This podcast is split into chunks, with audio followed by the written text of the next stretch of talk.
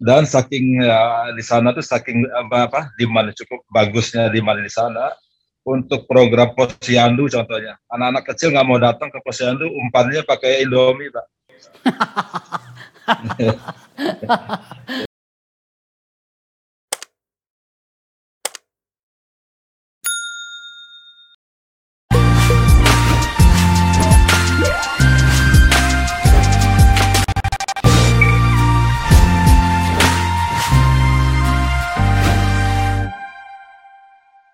Assalamualaikum warahmatullahi wabarakatuh. Kita ketemu kembali di acara kita, podcast kita Akbar Faisal Unsensor.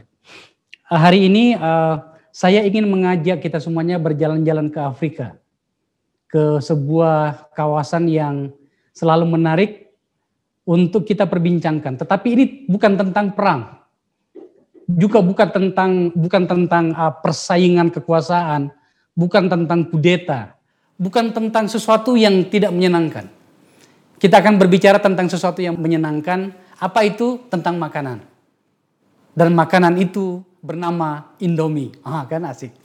Banyak yang belum paham mungkin bahwa eh, kita harus berbangga pada bagian-bagian menyangkut dengan yang saya sebut tadi. Anda boleh mengatakan kenapa harus menyebut merek, tapi ya memang kita harus menyebut merek di sini. Dan merek yang mengangkat nama Indonesia itu bernama adalah Indomie. Indomie sudah masuk ke Afrika sejak tahun sekitar 1988. Pertama masuk ke Nigeria. Sekarang Indomie itu sudah menjadi makanan mewah. nah ini, makanan mewah di Afrika. Produk ini yang kalau di Indonesia kita tahu punya Indofood ya, itu sudah berkembang atau memiliki pabrik di enam negara. Bahkan saya dengar mereka juga sudah memiliki pabrik selain yang ada di, di uh, Arab Saudi ya, kantor kantor pusat pengembangan Indomie untuk wilayah Afrika itu juga ada di Jeddah kalau nggak salah. Sekarang itu mereka sudah hadir di Eropa, terkhusus di Istanbul, di Turki dan di Serbia. Nah, hari ini kita akan ngobrol dengan eh, General Manager Indofood itu uh, orang yang bertanggung jawab pada pengembangan pasar Indomie di Ethiopia, khususnya di ibu kota bernama Addis Ababa, sebuah kota sebenarnya kota kuno yang uh, sejuk di sana, ya indah dan sejuk dan um, kawan kita ini adalah Adrian Yuliar Salam. Selamat siang waktu Jakarta, Mas Adrian. Selamat siang Pak Faisal, apa kabar Pak? ya di sini masih pagi Pak, kita baru jam 11. Iya. Uh, di sini masih pagi, beda 4 jam. Uh, di sini beda beda 4 jam ya? Iya, udara mendung sudah memasuki musim hujan di sini nanti mau bulan Juni sampai September. Tapi sepanjang tahun udara di sini cenderung sejuk dan dingin Pak. Jadi saya pakai ya. jaket ini bukan buat gaya-gaya, tapi karena dingin. Iya iya. Kan banyak orang yang beranggapan bahwa Afrika itu panas, tapi ternyata itu kota Addis Ababa itu uh, sejuk, indah bahkan ya, Betul. Pak, Pak Adrian ya. Iya. Hmm. Saya tertarik untuk uh, memberikan sedikit informasi kepada penonton Akbar Faisal Unsensor, sebuah podcast yang yeah. saya kelola bersama teman-teman, menyangkut dengan uh, betapa Indomie. ini makanan saya masa kecil ini mas. Jadi perlu saya sampaikan kepada penonton, ini bukan iklan loh. Tidak ada kerjasama, apalagi namanya itu iklan dengan pihak Indo Indomia, Indofood ini nggak ada. Hmm. nggak ada, bisa ditanyakan ke Pak Adrian. Saya hanya tertarik saja yeah. untuk mengangkat informasi informasi ringan seperti ini sebab uh, ternyata hmm. popularitas dan performa Indomie di uh, Afrika itu luar biasa gitu. Mas Adrian, Anda sebagai GM di sana, bisa nggak cerita sama kita sebenarnya kapan mulai masuk ke pasar Afrika khususnya di Ethiopia dan Addis Ababa dan uh, Nigeria dan beberapa negara yang lain dan kemudian uh, bagaimana bisa menembus pasar di sana Mas Adrian? Ya, oke okay, baik Pak Faisal. Uh, perkenalkan nama saya Adrianto Yuliar Salam. Uh, saya uh, di Ethiopia in charge sebagai Deputy General Manager Saya sudah di sini sejak tahun 2003 sebenarnya. Sebelumnya selama 10 tahun saya bekerja untuk uh, joint venture ya, perusahaan Indonesia juga di Ethiopia, yaitu namanya PT Sinar Ancol. Kita produksi sabun waktu itu Pak. Sabun, uh, sabun mandi dan sabun deterjen. Uh, itu saya bergabung sampai tahun 2012. Kemudian satu tahun saya bergabung dengan perusahaan Ethiopia.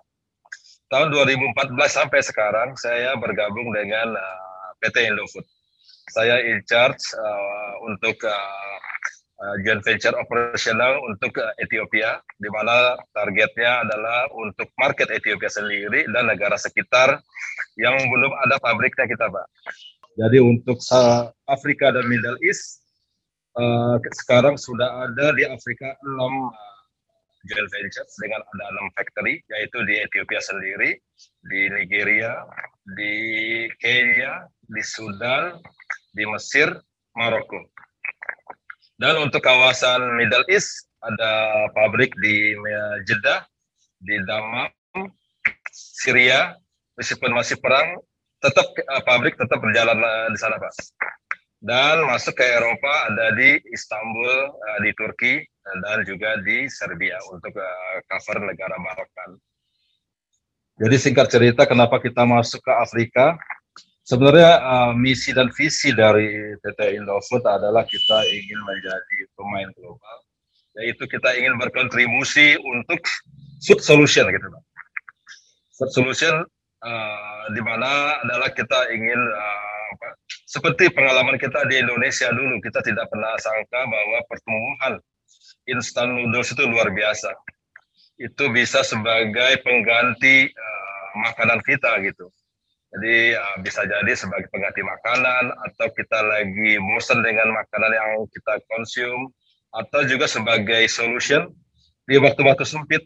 Misalnya anak kuliah malam-malam lapar, apalagi ya Indomie karena bikinnya itu karena konsep instan, cepat dibuat, cepat dia penyajiannya dan juga sudah siap pakai gitu karena udah, udah lengkap dengan bumbu-bumbu gitu Pak. Pak Dian, uh, ya. pas, uh, coba jelaskan ke kita ini kan unik ya. Jadi saya dengar-dengar, saya laku, lakukan apa browsing uh, informasi itu ya. awalnya berat ya memasarkan Indomie itu ya di sana ya. Nah, Cukup sekarang berat, saya dengar-dengar di semua warung-warung itu menjual begitu ya. Seperti kita di kampung-kampung gitu. Betul, Pak. Jadi mirip juga dengan cerita di Indonesia dulu atau awal-awal Indomie itu ya istilahnya food is born gitu Pak. Makan itu adalah uh, apa dilahirkan gitu. Jadi kalau kita lahir waktu kita kecil dikasih biasa makan rendang, terus kita keterusan makanan Padang, terus kayaknya dikasih satu yang baru itu satu tantangan gitu. Nah di Ethiopia pun di negara Afrika lain dari teman-teman kita yang di Nigeria, di Kenya, di Sudan, di Mesir, yang makanan aslinya adalah beda-beda, itu punya tantangan yang mirip di mana mereka itu nggak tidak suka itu pak. Ini makanan apa ini gitu. Jadi kita butuh suatu edukasi promosi di mana uh, program edukasinya ini kita harus buat mereka coba gitu pak. Jadi kita buat caranya gimana mas? Kita buat itu cooking demo di setiap pojok di tempat-tempat yang strategis. Apakah waktu bazar atau apa kita lagi di supermarket kita sewa tempat uh, jadi kita masakin indomie kita kasih di mangkok kecil kita uh, coba mereka untuk uh, coba gitu Dan dari pengalaman kita, dari 10 orang yang coba itu biasanya 8 orang pasti suka, Pak. Tentu saja saya bisa membayangkan karena saya pemakan Indomie sejak kecil ya. Tapi saya tertarik untuk mengangkat ini bukan karena apa, tapi menurut saya kan keunikan bagaimana Anda muncul di pasar di sana, bagaimana yeah. apa namanya itu mengedukasi you punya market, ya kan? Kemudian yeah. uh, bagaimana dengan itu bahan baku? Itu bahan bakunya dari mana, Betul. Mas? Ya, bahan baku kita de, untuk hadir di setiap negara tadi yang sudah kita, saya bacakan. Bahan baku ya, ya untuk noodlesnya kita uh, harus beli di lokal, Pak. Ada regulasi negara yang mengharuskan kita membeli terigunya dari lokal. Begitu. Tapi kualitasnya gimana? Kualitasnya itu memang yang uh, ada negara yang kualitasnya bagus seperti yang di Timur Tengah, di Mesir, di Sudan, di Kenya. itu cenderung mereka lebih bagus daripada yang ada di negara saya ini, di negara Ethiopia hmm. ini maksudnya. Ah, ah, ah, gitu. Ah.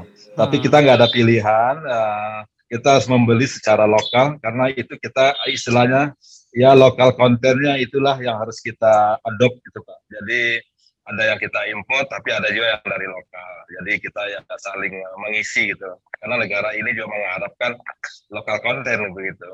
Jadi company lokalnya juga hidup gitu, supplier-supplier lokalnya juga uh, ini saling berinteraksi dengan kita gitu.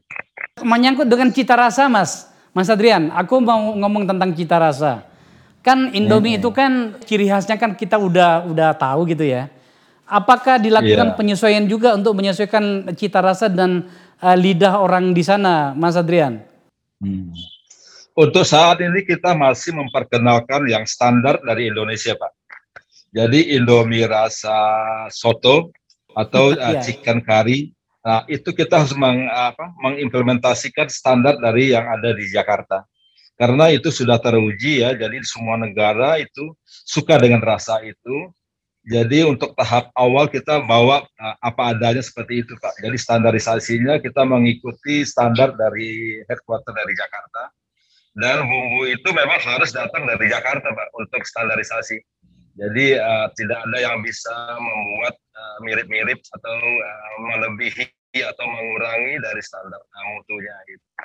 Nah, yang paling kita lakukan untuk adopsi dengan kondisi lokal, kita uh, uh, berusaha untuk menciptakan rasa lokal. Tapi di negara yang sudah menciptakan itu baru Nigeria tuh Pak.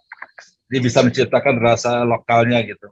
Karena di mana udah cukup besar, jadi mereka sudah bisa masuk ke uh, tahap itu.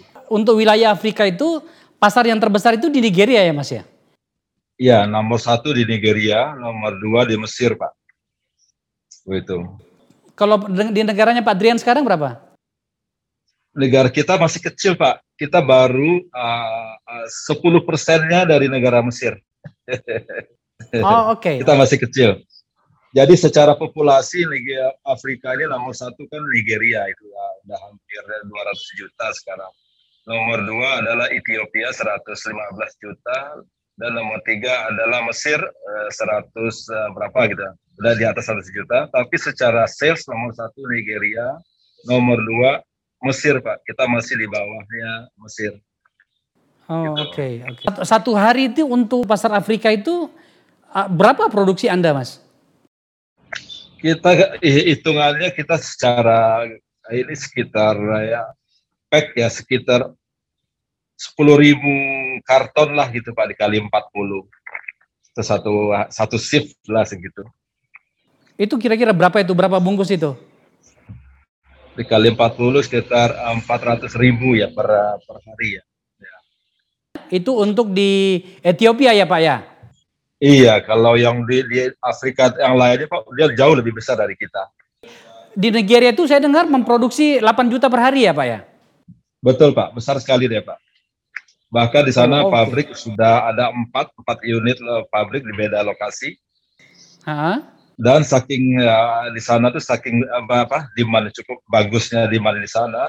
Untuk program posyandu contohnya. Anak-anak kecil nggak mau datang ke posyandu umpannya pakai indomie pak. Jadi ya, oh, gitu ya? ibunya bujukin ke anak nanti kamu datang ya nanti di sana dikasih indomie. Oh, langsung semangat anaknya ikut gitu. Oh. Gitu. jadi kalau dan begitu ceritanya berarti Indomie sudah menjadi makanan favorit dan makanan mewah di sana ya Pak ya Betul, betul Pak. Iya. Mirip dengan kita waktu awal-awalnya eh, Indomie diperkenalkan di Indonesia dari tahun 70-an dulu. Iya. Kita suka suka campur dengan nasi gitu Pak. Saya, kan ibu kita suka itu, bilang kok nggak pakai nasi. Itu itu dulu cara makan saya dulu. terutama di terutama nah, di masa-masa ah terutama di masa-masa kuliah dulu itu itu makanan makanan itu makanan uh, wajib iya. gitu. iya. Iya, Aduh. Selalu nggak pakai nasi. Nah di sini juga begitu Pak. Di Ethiopia ciri khasnya mereka punya nasi, uh, roti sendiri. Rotinya kayak roti Arab disobek-sobek begitu makannya ya. Sekarang kita memperkenalkannya ya Indomie itu sebagai menu gitu Pak. Nah, tapi bagi hmm. mereka perlakuannya mirip dengan kita kayak dulu, uh, ya, Indomie pakai nasi gitu. Seberapa besar perubahan pola makan dan uh, apa menyangkut dengan selera mereka dari makanan lokal ke Indomie atau produknya Pak Adrian itu? Ya. Jadi ada Pak satu step yang harus kita cukup sabar. Yang orang yang sudah berumur ya maksudnya yang yang umur 25-an ke atas mereka agak malu untuk mencoba gitu Pak. Itu tantangannya. Mereka bilang ini makanan anak kecil ini. Saya nggak mau coba gitu. Tapi begitu dia coba ternyata enak ya gitu. Nah, kita untuk masuk step awalnya ke mereka yang sudah usia 20-an ke atas tuh tantangannya di situ. Jadi kita banyak masuk ke anak-anak yang apa, mulai apa elementary school ya, itu uh, di, dari elementary school ke atas semua tadi itu dari delapan ya coba hampir semua balik deh pak ketagihan gitu pak. Nah itu aja stepnya. Jadi yang sekali mereka ya sudah coba mereka akan mulai beli bahkan frekuensinya sudah mulai naik gitu pak dan tadinya cuma seminggu sekali atau sebulan sekali sekarang frekuensinya uh, sudah meningkat gitu. Jadi ya demandnya sudah mulai terasa naik gitu. Produk Anda itu Indomie itu sama dengan di kampung-kampung kita di sini ya. Jadi warung-warung jual-jual gitu semua ya. Betul Pak. Jadi di sini kita pola pemasarannya kita mirip yang kita lakukan ya dari Indonesia kita uh, tunjuk distributor ya untuk uh, di capital city dan juga untuk di semua uh, provinsi Pak. Dia ada sekitar 13 provinsi. Nah, sekarang di 13 provinsi itu kita ada distributor semua sekarang. Waktu tahap awalnya cukup sulit kita untuk menunjuk distributor karena nggak ada yang mau. Ini barangnya nggak laku nih apa nih gitu. Tapi sekarang berebut Pak kita untuk menjadi distributornya kita.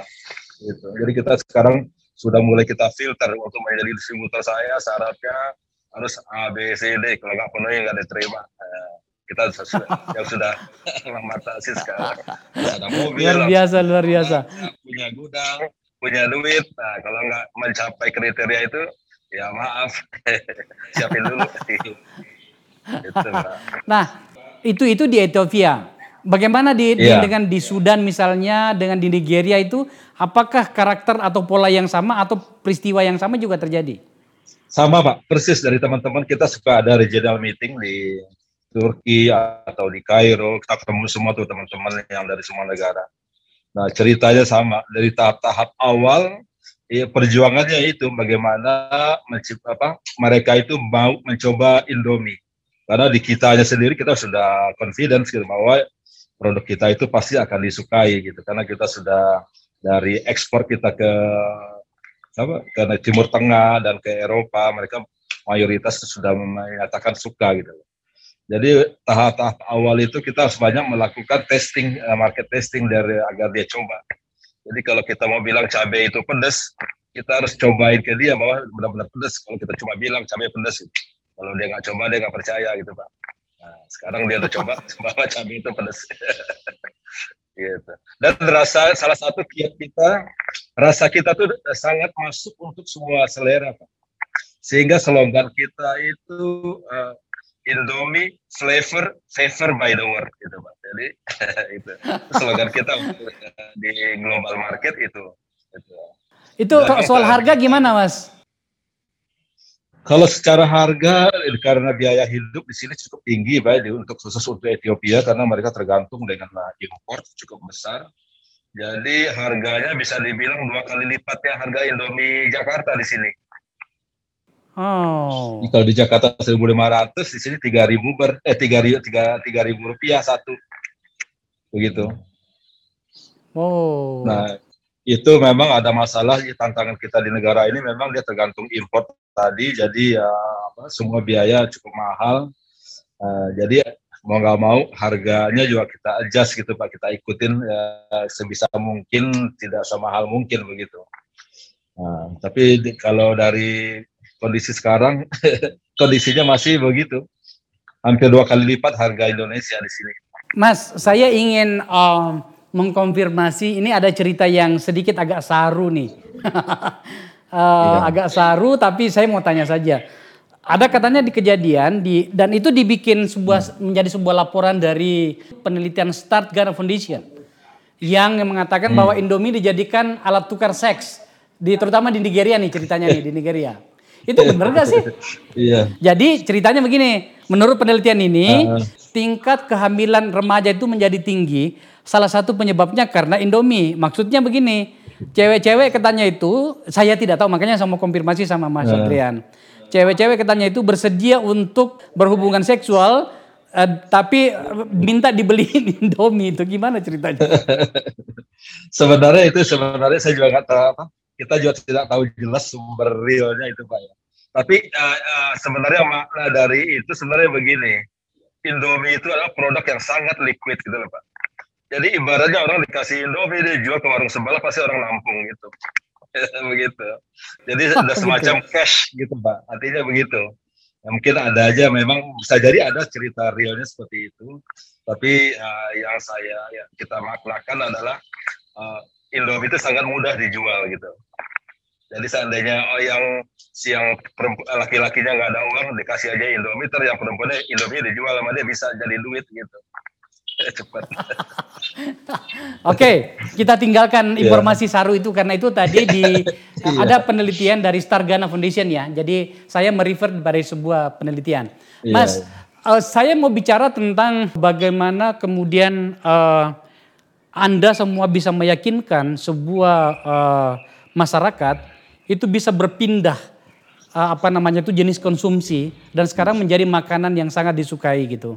Sementara kan ini yeah. kan perbedaan cita rasa kita kan ekstrim mas dengan mereka ya. ya yeah. Dan uh, maka kemudian kita berbicara tentang bahan baku, terus kemudian tentang keberanian melakukan perubahan-perubahan mendasar dari uh, cita rasa itu sendiri meskipun Anda tadi mengatakan bahwa untuk uh, chicken curry itu kami tidak akan mengubahnya karena diterima yeah. oleh semua uh, jenis cita rasa di seluruh dunia, setidaknya pada pengalaman yang sudah Anda lalui. Tetapi saya yakin uh, hmm. untuk memperbesar pasar itu kan pasti Anda melakukan inovasi di berbagai di berbagai varian-varian produk seperti itu. Iya. Memang betul Pak, memang arah ke depan nanti kita harus mengikuti selera lokal gitu Pak. Jadi Indomie hadir dengan selera inti original, tapi kita juga akan mencoba mengadopsi rasa lokal. Seperti yang sudah ada di Indonesia ada rasa tom yum itu untuk Thailand ada rasa bulgogi untuk Korea gitu pak. Kita sudah mulai untuk melakukan itu. Nigeria sudah melakukan rasa chicken chicken saya lupa namanya chicken Nigeria pak gitu pak. Khasnya dia uh, tapi untuk negara lain kita belum sempat untuk me, apa, mengadopsi rasa itu karena butuh juga suatu ininya pekerjaannya cukup besar. kita harus merubah semua packaging, uh, tulisan-tulisannya harus pakai apa? Detailnya harus dirubah semua. Dan juga so, apa, uh, sourcing uh, seasoningnya itu, Pak. Karena kita uh, keterbatasan, kadang-kadang rasanya uh, kita sudah tahu nih. Tapi sumber dari seasoningnya itu kita belum bisa mendapatkan uh, uh, dalam bentuk yang besar gitu. Jadi kalau kita mau bikin dengan jumlah yang besar, kita belum bisa mendapatkan raw materialnya secara jumlahnya yang ya yang stabil begitu suplainya. Bisa aja bulan ini ada, bulan depan belum tentu ada. Jadi dengan seperti itu itu adalah tantangannya kita untuk belum melaunching rasa-rasa lokal gitu. Kalau kiat kita untuk pemasaran ya kita begitu tadi. Setelah kita negara itu kita yakin adalah sangat potensi. Sebenarnya untuk Indomie kita cukup melihat populasi Pak. Pak Faisal. Populasi besar karena Indomie itu konsepnya adalah uh, affordable, udah pasti affordable. Untuk semua umur, untuk semua lapisan uh, sosial status. Jadi ya kita bilang ya Indomie adalah untuk semua. Nah, kita melihat populasinya yang besar itu udah pasti marketnya potensinya bagus itu udah terbukti Nigeria, Mesir. Gitu. Makanya kita hadir ke Ethiopia adalah nomor dua populasi terbesar di Afrika dengan harapan nantinya adalah kita akan mendapatkan pasar yang jumlahnya sangat signifikan di uh, kemudian hari. Kalau secara tergipa masyarakat kita tadi itu setelah kita confidence, kita bangun pabrik, kita harus hadir di negara itu, Pak. Hadir di negara itu, jadi kita mengerti semua seluk-beluk negara ini mulai dari regulasi pemerintah, dan mulai sosial budayanya, kulturnya mereka, pola makannya mereka. Dengan begitu kita akan tahu detail uh, potensi market dan tantang-tantangan yang harus kita uh, antisipasi gitu Pak. Saya curiga kalau melihat pengalaman Anda di Afrika, kayaknya nih Anda akan hadir di semua negara di Afrika nih kalau kayak begini ceritanya nih. iya Pak, kita memang mencari negara-negara yang punya potensi bagus, uh, bagus Pak. Mungkin nanti rencana berikut kita akan coba uh, Tanzania, gitu Pak, ke bawah gitu Pak. Saat ini uh, Tanzania di cover dari Kenya, kita ada pabrik di Kenya, kita kirim ke Tanzania, Uganda, Rwanda, begitu Pak. Nah, jadi nanti jika satu negara itu demandnya sudah over, jadi negara itu sudah layak untuk memiliki pabrik. Nah, insya Allah nanti kita akan hadir juga di situ. Gitu. Hmm. Ya, Wah luar biasa ya. Alhamdulillah sih kita juga cukup bangga dengan kiprahnya Indofood yang cukup agresif uh, untuk masuk ke pasar global. Ya semoga aja nanti ada teman-teman dari pengusaha Indonesia lainnya mengikuti kita gitu Pak. Jadi kita ada teman gitu lah apakah perusahaan makanan lainnya, biskuit atau apalah gitu, atau perusahaan non non food lainnya. Potensi negara Afrika ini cukup besar, Pak. Dan tingkat hmm. persaingan belum sebesar negara di sekitar negara kita di negara ASEAN gitu. Jadi oh, kalau datang oh. ke Afrika, jadi ya, filosofinya seeing is believing. Masih besar peluangnya ya untuk uh, investasi untuk hal-hal yang katakanlah uh, apa jenis makanan-makanan kecil seperti itu ya? Besar pak. Jadi negara Afrika ini sekarang juga sudah mulai memproduksi diri dengan uh, mengurangi im, uh, import barang jadi. Jadi dia maunya investor tuh harus hadir gitu pak. Dengan investor hadir dalam bentuk uh, manufacturing, jadi ya efek multiplier efeknya akan jalan. Jadi nanti perusahaan lokalnya akan hidup gitu. Jadi sekarang dia di Nigeria pun juga begitu dulunya. Uh, awalnya import import tapi lama-lama ada proteksi dari uh, government bahwa sebaiknya harus datang dalam uh, itu uh, foreign uh, direct investment. Jadi harus membangun pabrik di negara itu. Gitu. Pertanyaan yang sering diajukan oleh teman-teman itu sebenarnya meskipun juga saya uh, tentu saja tidak boleh menyamaratakan ya bahwa soal uh, informasi yang sering beredar di media itu yeah. kan kadang-kadang kan terlalu berlebihan. Tapi kan uh, mungkin Pak Andrian yeah. bisa memberi kita informasi tentang keamanan investasi di sana, baik dalam hal regulasi yeah. maupun keamanan secara langsung. Kita kan sering lihat yeah. uh, apa perubahan kekuasaan dengan saja cara yang ekstrim, uh, kudeta lah, kemudian pemberontakan antar suku lah. Itu gimana tuh? Coba di-share ke kita Pak Adrian. Iya negara Afrika secara umum adalah memang tantangan yang paling menyeramkan bagi orang-orang awam yang belum pernah ke sini adalah yang seperti Pak Faisal sampaikan barusan. Hmm. Bahwa orang udah takut duluan, orangnya udah serem-serem duluan, gitu, banyak kriminal, kelaparan, kejahatan, uh, dan uh, pemerintahannya cenderung uh, diktator gitu. Itu memang kondisi itu masih ada. Nah, jadi tadi ya itu dengan kita datang langsung, kita akan tahu sebenarnya kondisi real ya, di satu negara. Contohnya aja Indonesia ada ribut-ribut uh, di Timur Timur zaman dulu contohnya. Tapi kan orang Jakarta kan aman-aman aja pak. Orang lihat di TV ya, ya, ya. Indonesia nggak aman gitu. Tapi kejadiannya jauh gitu. Gitu. Nah di Ethiopia sekarang sebenarnya lagi nggak aman nih. Tapi ada di bagian utara yang cukup jauh dari sini 800 km. Jadi ya yang namanya ibu kota di semua negara pun mana pun selalu ibu kota itu aman pak. Contohnya Kenya dulu bergejolak waktu pemilihan umum uh, waktu Kenyatta, tapi kita tetap jalan di sana, gitu. Hmm, kita hmm, hmm, Indo Republik tetap jalan di Kenya, meskipun ada hambatan-hambatan, kita tetap jalan. Di ya, Ethiopia, Mas, eh, Ethiopia pun juga begitu. Sekarang uh, lagi mau pemilu, hambatan itu tetap ada. Hmm, hmm, hmm. Selain Indomie, itu apa ya. produk apa lagi dari kita yang terkenal dari kita yang sudah mulai berkiprah di Afrika, termasuk di Kenya, Nigeria, hmm. di Ethiopia hmm. dan uh, sekitarnya? Kalau untuk produk Indonesia yang sangat digemari secara umum eh, di sini mulai dari uh, sabun, Pak. Nih kita bicara non food ya. Kalau non food sabun, uh, sabun deterjen, sabun batangan, uh, minyak goreng, minyak goreng kan kita kan banyak kelapa sawit minyak hmm. goreng uh, kertas kertas uh, sinner lain itu di sini number one tidak hanya kertasnya APP Ciwikim itu number one di Ethiopia tapi hampir di seluruh Afrika itu number one jadi bisa dibilang uh, itu pasar pasar kertas dari Indonesia sangat mendominasi Afrika dan bahkan bisa jadi Middle East dan dunia pak Oke. Okay. dan banyak hmm. juga produk-produk lain dari Indonesia yang masuk seperti tekstil dan yang mengikuti kita saat ini di sini setelah Indomie masuk ada juga sekarang itu tiga perusahaan tekstil uh, masuk ke, ke Ethiopia. Jadi ada totalnya sekarang lima company Indonesia di uh, di Ethiopia.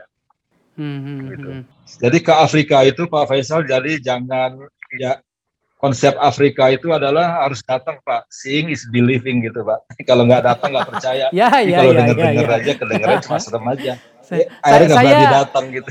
Uh, saya saya baru sampai ke Afrika Selatan.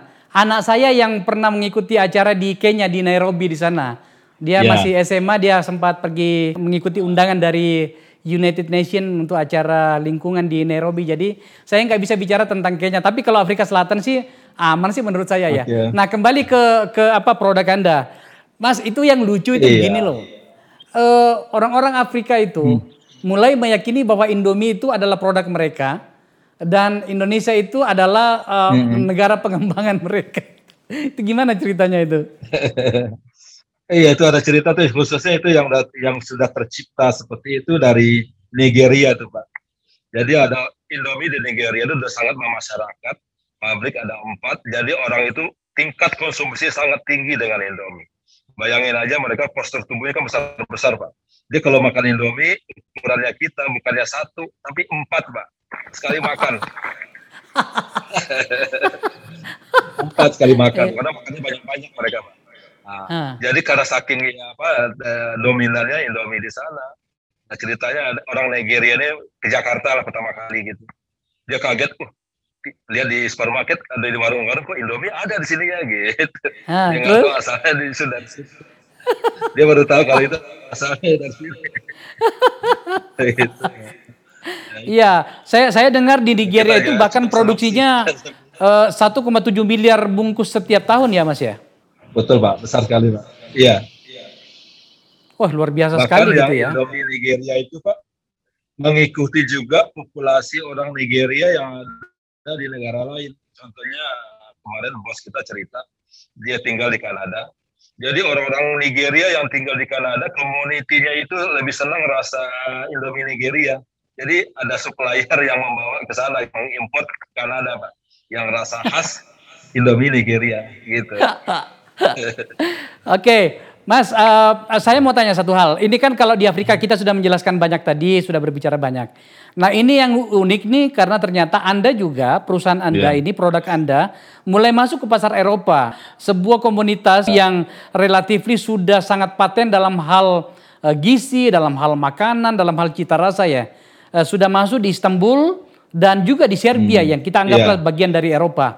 Itu bagaimana keberhasilan eh, seperti Betul. di Eropa di Afrika? Yeah. Apakah itu Anda rasakan juga ketika mulai masuk ke pasar Eropa? Hmm. Betul, Pak. Jadi ya ini awal-awalnya Indomie ini kalau kita bercerita sejarahnya dulu Pak ya. Ini kembali ke sejarahnya kita nih cerita di, di, di Timur Tengah nih. Kita nih berterima kasih kepada tenaga kerja Indonesia yang di Saudi Arabia Pak. Hmm, hmm. Mereka lah banyak TKW yang berdatang ke Saudi. Mereka lah yang awal-awalnya setiap ada apa bekerja di Saudi waktu berangkat pasti membawa bekal Indomie atau oh, waktu iya, iya, cuti iya. pulang bawa lagi Indomie karena kangennya dengan rasa Indonesia begitu. Lama-lama uh, bos kita coba import ini uh, Indomie dari Indonesia ternyata demandnya cukup naik tajam Pak, berkembang terus. Akhirnya diputuskanlah membuat pabrik di Jeddah pertama kali. Begitu. Itulah, uh, jadi uh, yang orang Arab bayangin aja yang makanannya makanan nasi mandi yang cenderung kering gitu ya sekarang dia doyan Indomie gitu Pak. Jadi uh, eh, TKW kita tadi selain untuk dia uh, kan mereka kan anaknya banyak orang-orang Arab kan anaknya kan banyak istrinya bisa satu dua tiga. nah, jadi waktu orang tuanya pada kerja sibuk kerja, anak-anaknya ini dijajalin Indomie ceritanya begitu. Minta ini mbaknya makan apa nih? Oh, bagi dong gitu. Jadi anaknya coba-coba lama-lama pada suka. Sekarang orang Arab itu pada doyan Indomie semua, Pak. Itu penjualan kita di negara Middle East itu uh, cukup besar. Di Saudi Arabia, di Yemen, di Syria, di Irak. Jadi kalau ke Irak itu orang Irak itu paling senang Indomie, Pak. Jadi Indomie itu tidak hanya enak, tapi sekarang masuk ke dalam semua momen uh, pandemik itu dah Indomie adalah salah satu solusi bagi mereka Pak. Jadi waktu pandemik Indomie itu karena mudah uh, terjangkau, mudah dimasak dan bisa dimakan berkali-kali.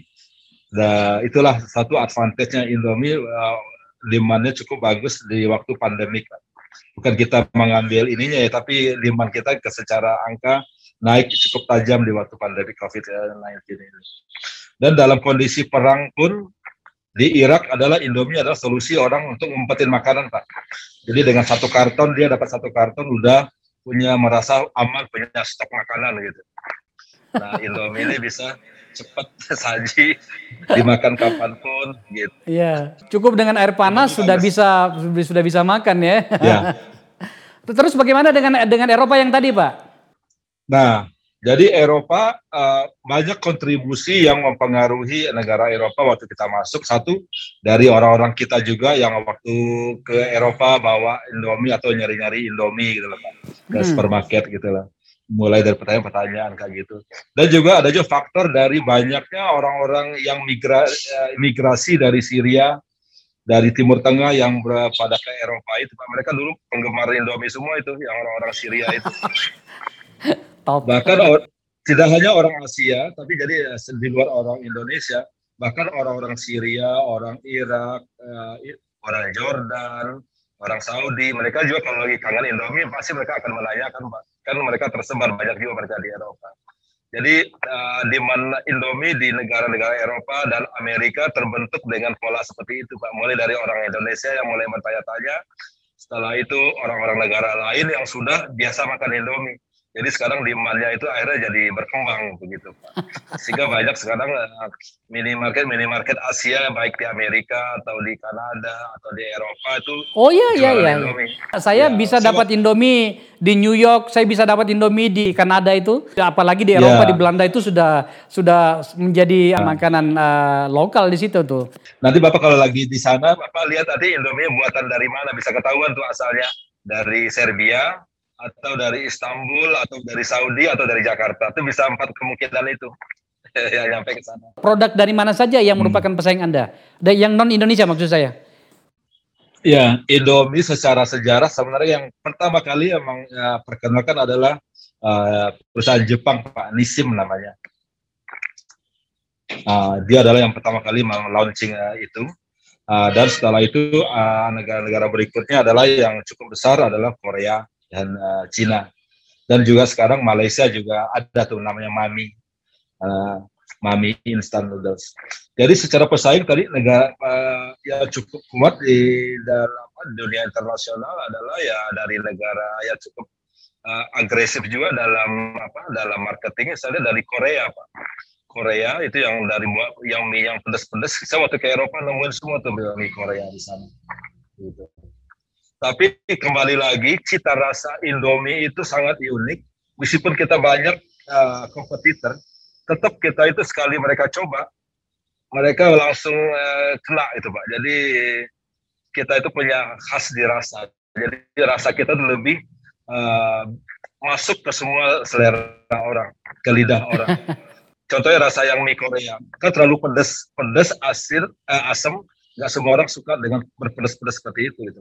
Kecuali orang Korea sendiri atau orang Indonesia yang suka pedas-pedas itu.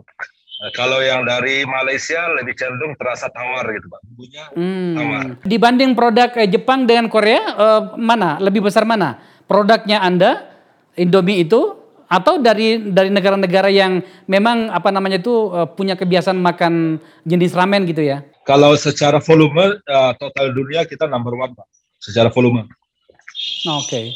Sekarang kita udah ini, bahkan kita tahun 2000 mendapatkan uh, the best ramen uh, instant noodle di uh, LA Times pak, di Los Angeles. Masuk koran sana. gitu. Aduh Pak Adrian, yeah. uh, luar biasa uh, selamat ya atas pencapaian yeah. uh, Anda meskipun itu atas nama company Anda, brand Anda, tetapi uh, boleh dong kita sebagai orang Indonesia berbangga bahwa ada juga produk Ya. Indonesia yang menguasai dunia gitu ya. Apalagi saya, saya harus mengakuinya Betul, bahwa Pak. saya saya seorang pemakan Indo Ya. sejak puluhan tahun yang lalu. Dan apa namanya? Saya sengaja Iya, mengangkat ini untuk uh, menginfluence kita semuanya bahwa uh, ternyata produk-produk kita itu juga bisa mendunia kalau kita rawat dengan baik, kem- kemudian kalau kita lakukan inovasi terus-menerus Betul. gitu ya. Ah, ah. Dan sekali lagi uh, penonton Iya, saya sampaikan betul, bahwa ini sama sekali bukan iklan. ini bukan advertorial. ini hanya sengaja saya angkat karena Iya, iya. unik saja menurut saya. Ada sebuah produk yang notabene dekat dengan saya pribadi Hmm. karena saya pemakan Indomie sejak kecil, tapi ternyata sekarang sudah luar biasa. Pak Adrian, salam untuk teman-teman di sana, sukses untuk Anda semuanya. Salam untuk Ya. uh, teman-teman uh, Ya. para penanggung jawab uh, produk mendunia ini di berbagai tempat ya. Makasih Pak Adrian ya. Ya. Ya, terima kasih Pak Faisal. Iya. Ya, Pak. Selamat siang. Assalamualaikum Pak. Wassalam. Baik, em, pemirsa itu adalah eh, tayangan unik dari Akbar Faisal Unsensor. Eh, kita berbicara tentang eh, sebuah produk yang luar biasa. Saya mengenalnya dengan baik. Semata saya angkat ini, kami mengangkat ini di Akbar Faisal Unsensor sebagai informasi selingan bahwa kita bisa mencapai kejayaan kalau kita rawat dengan baik. Bagaimana Anda tadi mendengarkan eh, manajemen eh, dari apa Indomie itu Indofood di Afrika ya kan me- mengelola pasarnya dan ternyata sekarang menjadi number one in the world. Luar biasa. Terima kasih telah menyaksikan tayangan kita ini. Wabillahi taufiq wal hidayah. Assalamualaikum warahmatullahi wabarakatuh. Yeah.